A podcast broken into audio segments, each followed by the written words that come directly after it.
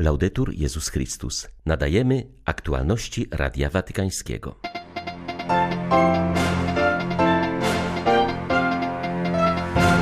Kontemplowanie Jezusa to nie marnowanie czasu, ale nadawanie mu sensu, mówił papież, zachęcając w uroczystość objawienia pańskiego do odkrycia na nowo smaku, modlitwy, adoracji. Franciszek pozdrowił uczestników orszaków Trzech Króli odbywających się w Polsce. Bez pomocy ludność Syrii skazana jest na śmierć. W tych ostrych słowach arcybiskup Jacques Murat komentuje decyzję Światowego Programu Żywnościowego o zaprzestaniu pomocy dla tego kraju.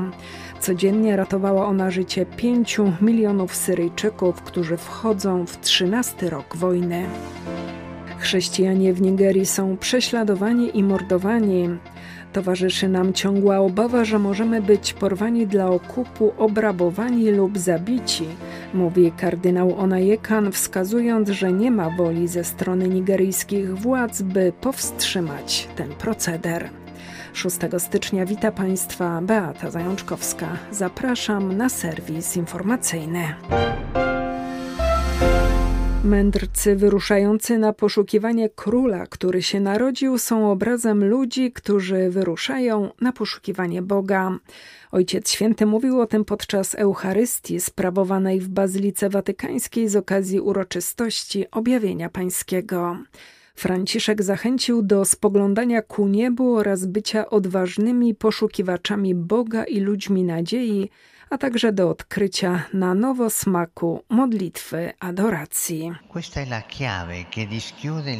To klucz, który otwiera prawdziwy sens naszego istnienia. Jeśli żyjemy zamknięci w ciasnych granicach spraw doczesnych, jeśli maszerujemy z opuszczoną głową, będąc zakładnikami swoich porażek i naszych żalów, jeśli jesteśmy głodni światowych dóbr i pocieszeń, zamiast być poszukiwaczami światła i miłości, nasze życie gaśnie. Mędrcy, którzy również są cudzoziemcami i jeszcze nie spotkali Jezusa, uczą nas skierowania wzroku ku niebu, wznoszenia oczu ku górą, skąd nadejdzie dla nas pomoc, ponieważ nasza pomoc pochodzi od Pana. Bracia i siostry, oczy trzeba kierować ku niebu. Ojciec Święty przypomniał, że dar wiary nie jest nam dany po to, abyśmy stali i wpatrywali się jedynie w niebo, ale byśmy szli drogami świata jako świadkowie Ewangelii. Światło, które oświeca nasze życie, Pan Jezus, nie jest nam dane tylko po to, abyśmy byli pocieszeni w naszych nocach, ale aby otworzyć promienie światła w gęstej ciemności, która otacza wiele sytuacji społecznych. Mędrcy uczą nas, że spotkanie z Bogiem otwiera nas na większą nadzieję, która sprawia, że zmieniamy nasz styl życia i przemieniamy świat. Jak powiedział Benedykt XVI, jeśli brak prawdziwej nadziei, szczęścia poszukuje się w upojeniu, zbytkach, nadużyciach, niszcząc samych siebie i świat. Dlatego potrzeba ludzi o wielkiej nadziei, a tym samym wielkiej odwadze, odwadze mędrców, którzy wyruszyli w długą podróż za gwiazdą oraz potrafili uklęknąć przed dzieckiem i złożyć mu cenne dary. Davanti un bambino e offrirgli il loro prezioso. Po odmówieniu modlitwy aniołpańskiej papież nawiązał do 60. rocznicy historycznego spotkania Pawła VI z patriarchą ekumenicznym Atenagorasem. Zachęcił, by myśląc o tym wyjątkowym geście braterstwa, modlić się o pokój na całym świecie. Impariamo dal braccio di questi due grandi della Chiesa Nauczmy się z tego uścisku tych dwóch wielkich ludzi Kościoła dalszego kroczenia na drodze do jedności chrześcijan, modląc się razem, podążając razem, pracując razem. Myśląc o tym historycznym geście braterstwa dokonanym w Jerozolimie, módlmy się o pokój, o pokój na Bliskim Wschodzie, w Palestynie, w Izraelu, na Ukrainie, na całym świecie. Jest tak wiele ofiar wojen, tak wielu zabitych, tak wiele zniszczeń. Módlmy się o pokój. Papież przypomniał, że w Trzech Króli przypada misyjny Dzień Dzieci. Pozdrowił też uczestników orszaków, które odbywają się w Polsce. E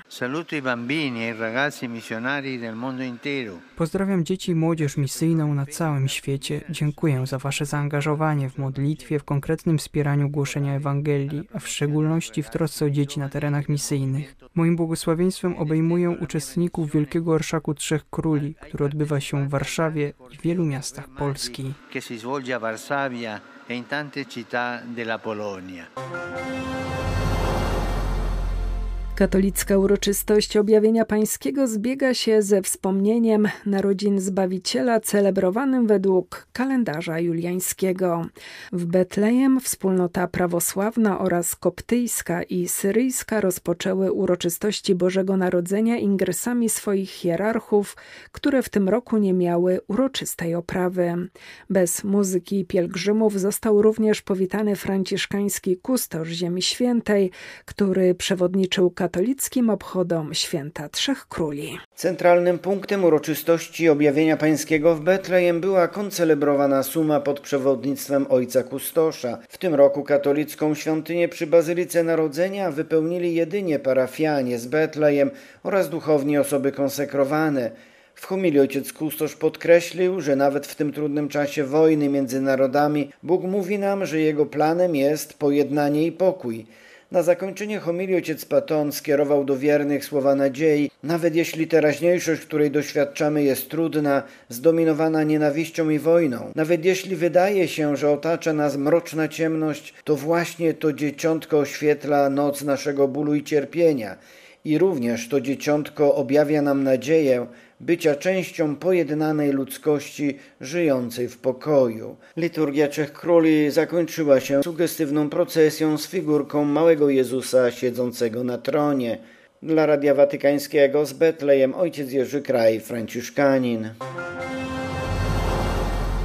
Być może należy zacząć od tego, czego wojna jak dotąd nie osiągnęła zwycięstwa nad Hamasem, mówi ojciec David Neuhaus, zapytany o sytuację w Ziemi Świętej. Jak podkreśla, Izraelowi udało się zrujnować strefę gazy, ale siejąc rozpacz sprawił, że opór jest jeszcze bardziej zaciekły. Istnieje obawa, że prawdziwą strategią władz Izraela jest wyludnienie strefy gazy, a to może oznaczać, że wojna będzie trwała jeszcze przez wiele miesięcy, mówi zakonnik. Ojciec Neuhaus znajduje się w szczególnej pozycji, bo choć sam jest Żydem, jest jednocześnie katolikiem i jezuitą powiązanym ze społecznością palestyńską i szerzej z światem arabskim wskazuje, że wojna zburzyła mity, na których opierało się państwo Izrael. Okazało się, że wojsko wcale nie jest niepokonalne, a wywiad nie jest wszechwiedzący. Niestety, na kanwie bycia zaatakowanym w Izraelu pomija się refleksję nad tym, czego doświadcza strefa gazy. Zgodnie z narracją, każda osoba w gazie jest odpowiedzialna za to, co wydarzyło się 7 października. Czy nie głosowali na Hamas, a gdyby chcieli, czy nie mogliby zbuntować się przeciwko Hamasowi, tłumaczy jezuita. Jednocześnie prezentuje się armię izraelską jako najmoralniejszą na świecie, a śmierć i zniszczenia w strefie gazy to szkody uboczne w sprawiedliwej wojnie. Widzimy niemal całkowitą dewastację strefy gazy. To, co wielokrotnie słyszymy od rzeczników politycznych Izraela, to ludobójcze zamiary i marzenia o czystkach etnicznych, mówi ojciec Neuhaus. Podkreślam, że kluczowa jest rola społeczności międzynarodowej. Jezuita bardzo docenia odwagę Franciszka, który trzyma się swoich racji pomimo krytyki ze strony świata żydowskiego. Papież wywołał wściekłość, wskazując na podobieństwo między terrorem stosowanym przez Hamas 7 października, a terrorem stosowanym przez armię izraelską od tego czasu, podkreśla zakonnik. Przypomina, że zdaniem Franciszka jedynym rozwiązaniem spirali przemocy i nienawiści jest uznanie, że jesteśmy braćmi, dziećmi jednego ojca. Naród syryjski zostaje skazany na śmierć bez możliwości wyrażenia sprzeciwu. Tak syriacko-katolicki arcybiskup Homs Jacques Murat reaguje na decyzję Światowego Programu Żywnościowego o wstrzymaniu od początku tego roku pomocy dla tego kraju. To wsparcie ratowało życie ponad 5 milionów osób. Jako przyczynę zmiany ONZ-owska organizacja podaje brak funduszy nadszarpniętych przez pandemię oraz wojny na Ukrainie i w Palestynie. Według szacunków w Syrii więcej niż 12 milionów ludzi może znajdować się w sytuacji poważnego zagrożenia niedożywieniem. Kraj ten wchodzi w 13 rok wojny.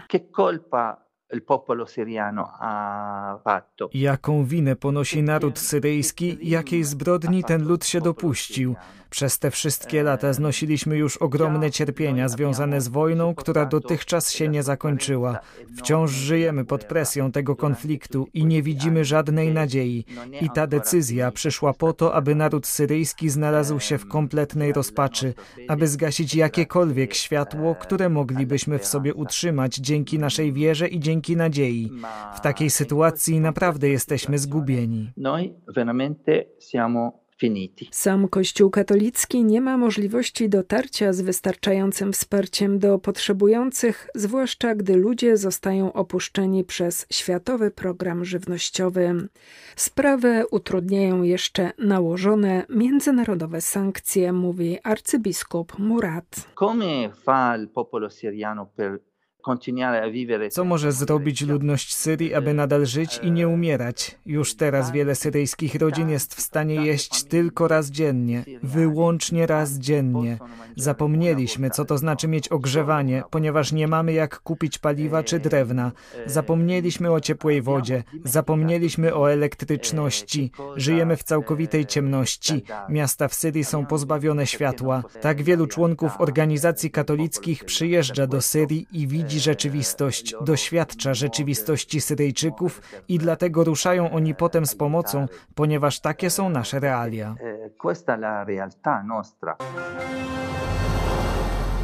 W Nigerii potrzebujemy sprawiedliwości, a pierwszą rzeczą, jaką należy uczynić, jest schwytanie i pociągnięcie do odpowiedzialności bandyckich grup, mówi Radiu Watykańskiemu kardynał John Onajekan. Choć brzmi to niewiarygodnie, pomimo licznych masakr, do których dochodzi od lat, w Nigerii wciąż mówi się o nieznanych sprawcach. W sprawie Nigerii apelował ostatnio papież Franciszek, bo w Boże Narodzenie doszło tam do krwawych napadów w stanie plateau. Spalono 37 wiosek, zabijając 200 osób i raniąc pół tysiąca.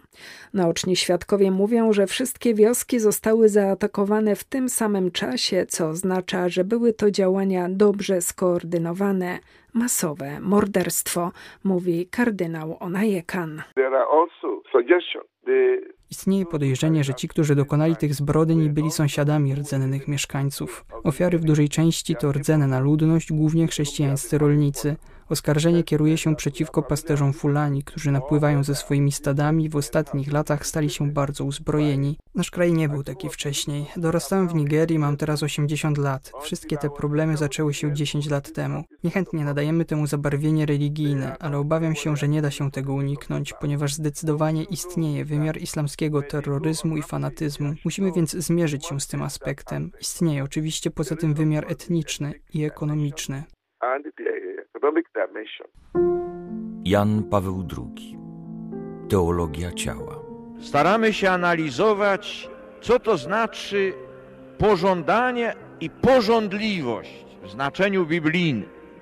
Pojawienie się w świadomości, w przeżyciu pierwszego człowieka, wstydu, wstydu wobec Boga i wstydu wzajemnego było znakiem obudzenia się pożądliwości ciała w sercu człowieka. I dlatego też głębiej rozumiemy, dlaczego Pan Jezus, mówiąc o pożądaniu, odwołuje się do ludzkiego serca, ponieważ właśnie tam leży początek. Początek pożądliwości, ale także podstawa jej przezwyciężenia. I tutaj trzeba zwrócić uwagę na wielkie znaczenie wstydu, który pomaga człowiekowi Całość katechezy o teologii ciała na polskiej stronie Vatican News w YouTube oraz głównych platformach podcastowych. Były to aktualności Radia Watykańskiego. Laudetur Jezus Chrystus.